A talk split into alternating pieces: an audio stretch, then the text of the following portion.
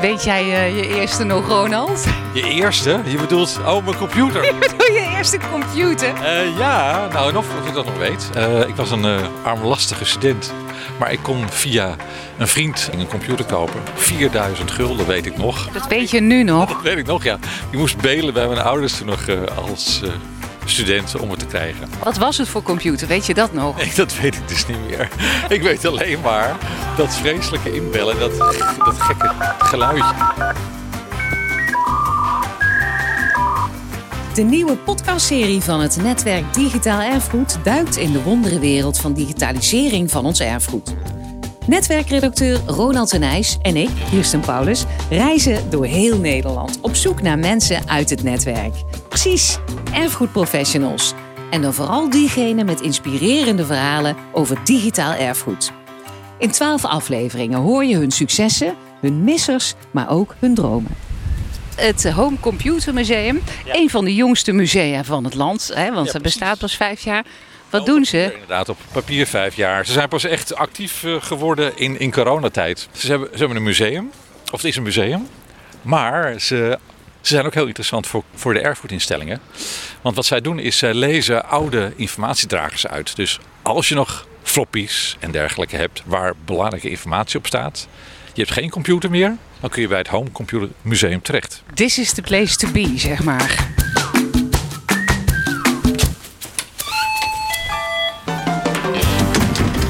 Hey, welkom in het Home Computer Museum. Hartelijk dank.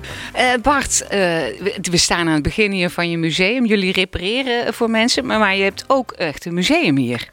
We hebben een echt museum, uh, bijna 1000 vierkante meter. bijna 1100 vierkante meter zelfs. En meer dan 500 computers staan hier opgesteld vanaf de jaren 70. Gaat jouw hart nou hier harder kloppen? Zeg ze eerlijk, Ronald. ja, dit, dit is wel bijzonder. Het is bijzonder om al die oude computers te zien. Dat vind ik even leuk. Jij bent helemaal gek op computers, hè Bart? Ja, dat zeggen ze wel eens, ja. Vooral als ze hier zijn geweest, denken ze, die man is echt gek van computers. Is toch ook zo? Ja, dat is ook wel zo. Dat geef ik ook gewoon toe. Wat is er zo leuk aan computers? Uh, nou, ik vind het vooral heel erg leuk uh, de verhalen die achter de computer zitten. Uh, er zijn echt fantastische verhalen te vinden en eh, zo kun je op die manier echt bijna zelfs persoonlijkheden achterhalen om bepaalde computers. Bijvoorbeeld?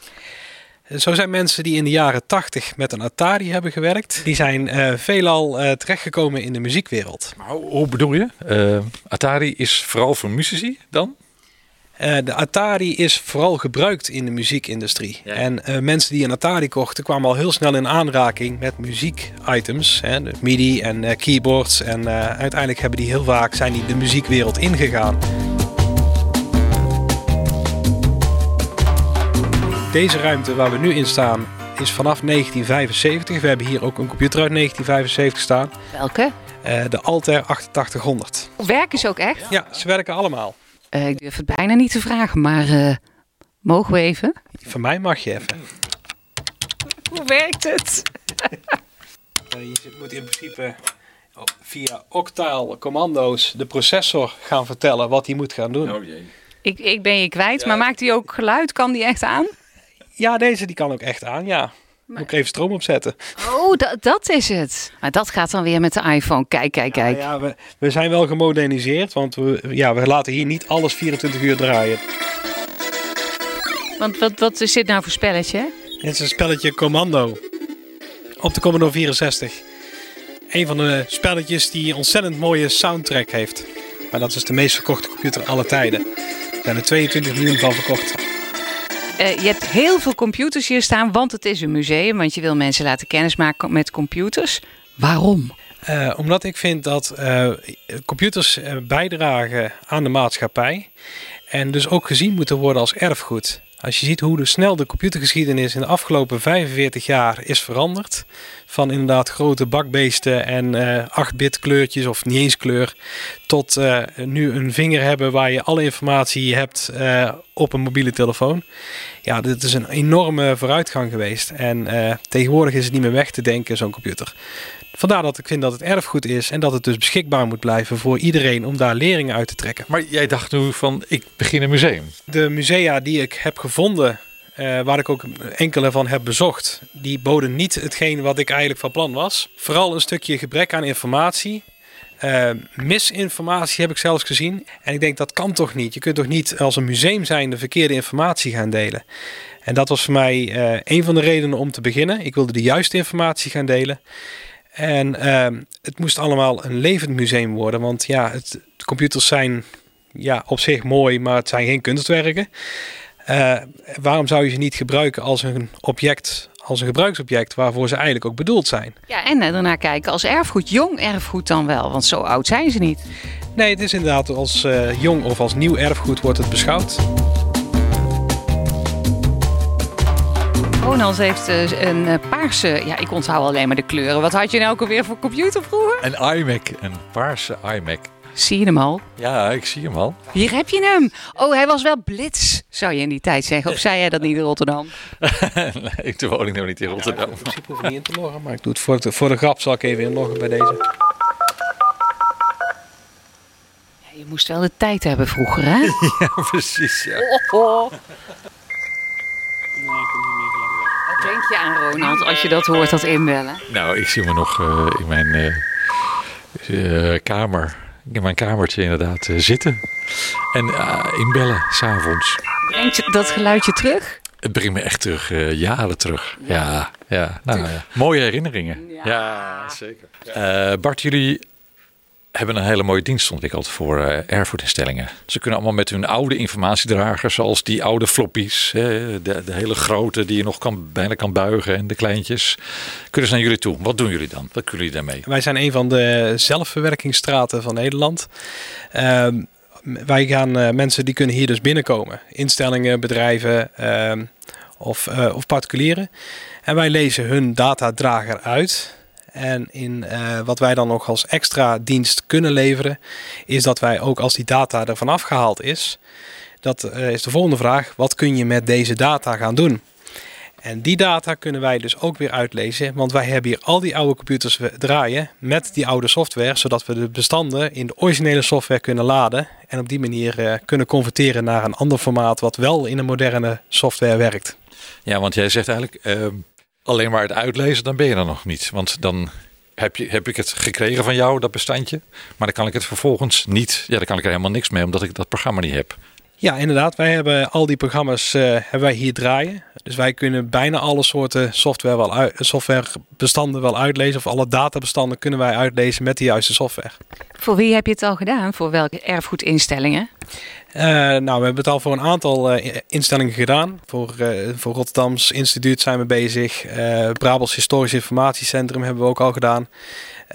en met name die, die laatste Brabants Historisch Informatiecentrum. daardoor is eigenlijk begonnen wat wij nu doen met het achteraf nog inlezen van of het converteren van de data. Want die hadden dus een SciQuest drive. Die hebben wij ingelezen. Uh, die data hebben wij aan die persoon gegeven en die kwam vervolgens terug van ja en nu, want ik kan niks met dat bestand. En bleek dat het bestand een Quark Express 1.0 bestand was, wat alleen maar op een Apple Macintosh draait en alleen maar op een oude Apple Macintosh draait. En uh, laten wij die nou toevallig hier hebben draaien. Dus wij hebben dat bestand omgezet naar een moderne versie van Quark Express. Via die oude Macintosh naar een nieuwe Macintosh omgezet. En daar uiteindelijk naar PDF en naar een Illustrator. En nou de vraag, wat kunnen zij er dan nou mee? Uh, in dit geval uh, was er uh, informatie over kasteel Heeswijk. informatie die ze dus nergens meer hadden. En die was dus exclusief op die disk te vinden. En wij hebben die dus helemaal hersteld en weer teruggebracht. En nu is het weer een deel van de collectie van hun.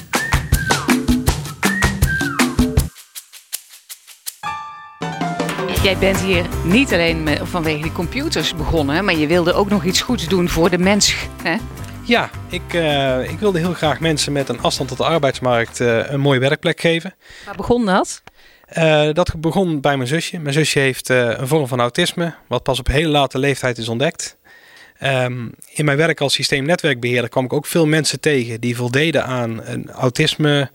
Um, en dat zo, soms wisten ze van zichzelf dat ze autisme hadden, soms ook niet. Maar ik zag vooral dat er heel veel onbegrip was vanuit bedrijven. En um, ja, ik vond dat het niet kunnen, want die mensen zijn niet dom. Ze zijn alleen, ze hebben een iets andere handleiding. En uh, als je dat weet, dan uh, kun je daar heel goed mee overweg. En kun je heel veel uh, dingen met die mensen doen. Jij besloot om een heleboel van die mensen hier te laten werken. Hoeveel werken er nu hier naast jou? er werken ruim 40 mensen hier. Dat is heel veel. Dat is heel veel, ja. We hebben het lekker druk hier. Mag je dat dan dagbesteding noemen? Ja, wij zijn, we hebben een aantal mensen op dagbesteding. Volgens mij een stuk of 13 mensen zitten in dagbesteding. Maar we hebben ook gewoon vrijwilligers. We hebben werk-fit trajecten, reïntegratie, maatschappelijke stage, een gewone stage. En het belangrijkste hier is, iedereen behandelen we gelijk. Dus het maakt mij niet uit of jij een stagiair bent of dat je een, uh, een werk-fit traject zit. Maakt mij niet uit. Je bent, voor mij ben je een van de vrijwilligers hier en ik behandel je als een van de vrijwilligers. Je hebt het verdrag van Faro en dat benadrukt de maatschappelijke en verbindende waarde van erfgoed. Hè. Het wil uh, juist erfgoed als uh, middel om maatschappelijke doelen te verwezenlijken. Daar past het jouw museum heel mooi in. Ja, dat klopt. We zijn uh, al, dit doen we eigenlijk al sinds het begin. En uh, dat wij mensen met een afstand tot de arbeidsmarkt weer terug proberen te brengen naar de arbeidsmarkt. Dus weer zelfstandig proberen te laten leven. Door gebruik te maken van het erfgoed wat wij hebben, in dit geval de computers. Mensen mogen werken met de computers, mensen mogen die computers herstellen. En op die manier leren wij ze weer hoe, het moet, uh, hoe je moet werken. En op die manier helpen we ze terug de maatschappij in. En uh, in 2019 hebben wij van Erfgoed Brabant, die hebben dat hier, uh, zijn hier op onderzoek uh, geweest. En uh, vanaf dat moment werden wij ineens benoemd tot voorbeeld van, van Faro. Nee, je kijkt er heel verbaasd bij. Ja, ik ben er nog steeds verbaasd over dat wij een voorbeeld zijn. Maar we hebben niks anders geks gedaan. Wij gewoon op de manier waarop ik het bedrijf vanaf het begin af aan wilde opzetten.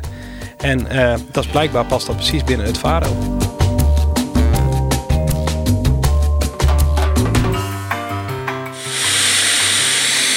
Storing. Ja, sorry.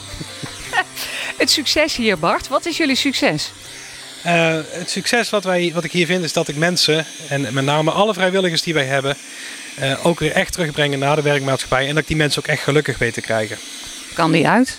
Kan die uit? het bovenste knopje was het. Okay, mensen gelukkig maken dus. Dan, dat is het hè, wat jij uh, succes noemt. Maar jullie hebben ook heel veel succes op social media. Wat is de tip? Uh, wees vooral consequent op social media. Wees iedere dag, ik ben iedere dag bezig met social media. En uh, wij zijn heel consequent bezig om iedere dag een leuk verhaal te plaatsen. Een leuk stukje anekdote of een achtergrondverhaal van een computer. Leuk fotootje erbij. En op die manier zijn wij in uh, 2020 alleen al uitgegroeid tot het grootste computermuseum ter wereld. Waarvan zeg je dat kan beter? Ik denk dat het beter kan dat wij nog meer uh, onszelf weten neer te zetten als een bedrijf dat meer is dan een museum. Dat wij inderdaad veel meer erfgoed, uh, digitaal erfgoed doen. Dus dat we ook op die manier meer instellingen binnen kunnen krijgen om die data allemaal te herstellen. Je hebt er nu vier of vijf en je zou er per jaar? Uh, nou, minimale tienvoudige daarvan kunnen doen. Bart, dit is natuurlijk een gigantische ruimte met honderden computers. Met de steunkleur uh, beige, zal ik maar zeggen. Ja, best wel. Hè? De meeste zijn wel beige. Waar droom je nog van? Dat ik uh, alle verhalen die er op dit moment zijn op een digitale manier weet te verwerken. Dat het ook in de rest van de mensheid blijft bestaan. En dat ik uh, heel veel digitale data, die nu langzaam aan het verloren raken is, eh, met name de oude dragers, dat wij die allemaal weten te redden en dat we die data allemaal beschikbaar kunnen stellen. We hebben altijd een estafettevraag en deze keer komt die van Vincent Robijn. Hij is directeur van Collectie Overijssel en hij vroeg het volgende. Ik zou van eh, Bart willen weten of het nou daadwerkelijk nodig is om alle digitale informatie en ook verouderde digitale informatie te bewaren. En dan hint ik vooral op de, toch ook de footprint die je achterlaat, ook als eh, bewaarder en als archivaris hebben we daar ook last van. Hoe kijkt hij daarna? Stel je nou voor dat alles bewaard zou kunnen worden. Uh, moet dat eigenlijk wel? En wat doen we eigenlijk de volgende generaties en deze wereld aan als we alles bewaren? Alle informatie moet je kunnen bewaren omdat je uit alle informatie uh, die er heb, je kunt, kun je lering trekken. Waarom is bepaalde informatie überhaupt ooit opgeslagen? Uh, hoe is het tot stand gekomen? Er zijn ontzettend veel dingen alleen al informatie te achterhalen. En uh, om die reden kun je de, de, hele trend gaan volgen en die informatie uiteindelijk ook de toekomst mee gaan bepalen. De volgende keer dan gaan we naar Hillebert Siemensma.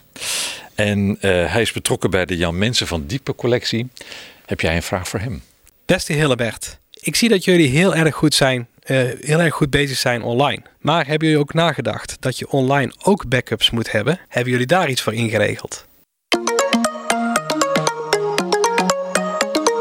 wij wilden zeggen, wij gaan er uh, vandoor, Bart. Maar jij zei, nee, je moet nog even langs deze. Want ik had laatst studenten van de designopleiding. En die vonden dit helemaal top, dit hè? Na de rondleiding mochten ze vrij rond door het museum heen lopen. En dan mogen ze overal aankomen, mogen ze zelf gaan dingen gaan proberen.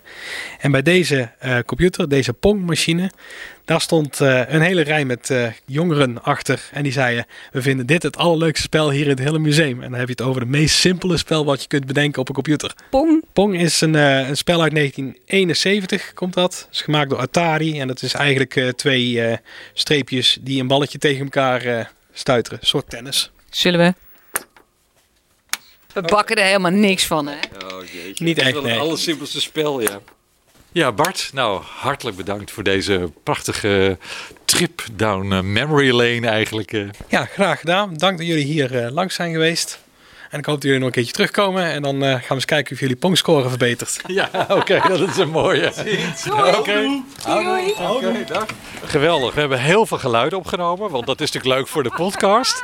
Maar die geluiden waren ook wel... Uh, die triggerden allerlei herinneringen bij mij. Dat is waar. Maar als nou eens meer erfgoedinstellingen hiervan gebruik konden maken. Want er ja. zijn er maar vier. En eigenlijk ja, kan iedereen... Die ik nog. kan me best voorstellen dat, uh, dat een erfgoedinstelling nog een aantal floppies in de heeft liggen niet meer weet wat erop staat. Uh, dus alle reden om het Home Computer Museum te gaan bezoeken. Ja, want hij kan het inlezen en hij kan het ook nog bruikbaar maken. Dus de volgende keer zitten we ja. bij Hillebert Siemensma in... Uh... In Slochteren. Slochteren. Tot dan. Wij gaan richting station in Helmond. Oké, okay, dag. Bye bye. Alle podcastafleveringen van Paulus en de Nijs op reis door het digitaal erfgoed kun je terugluisteren via Spotify. Tot de volgende!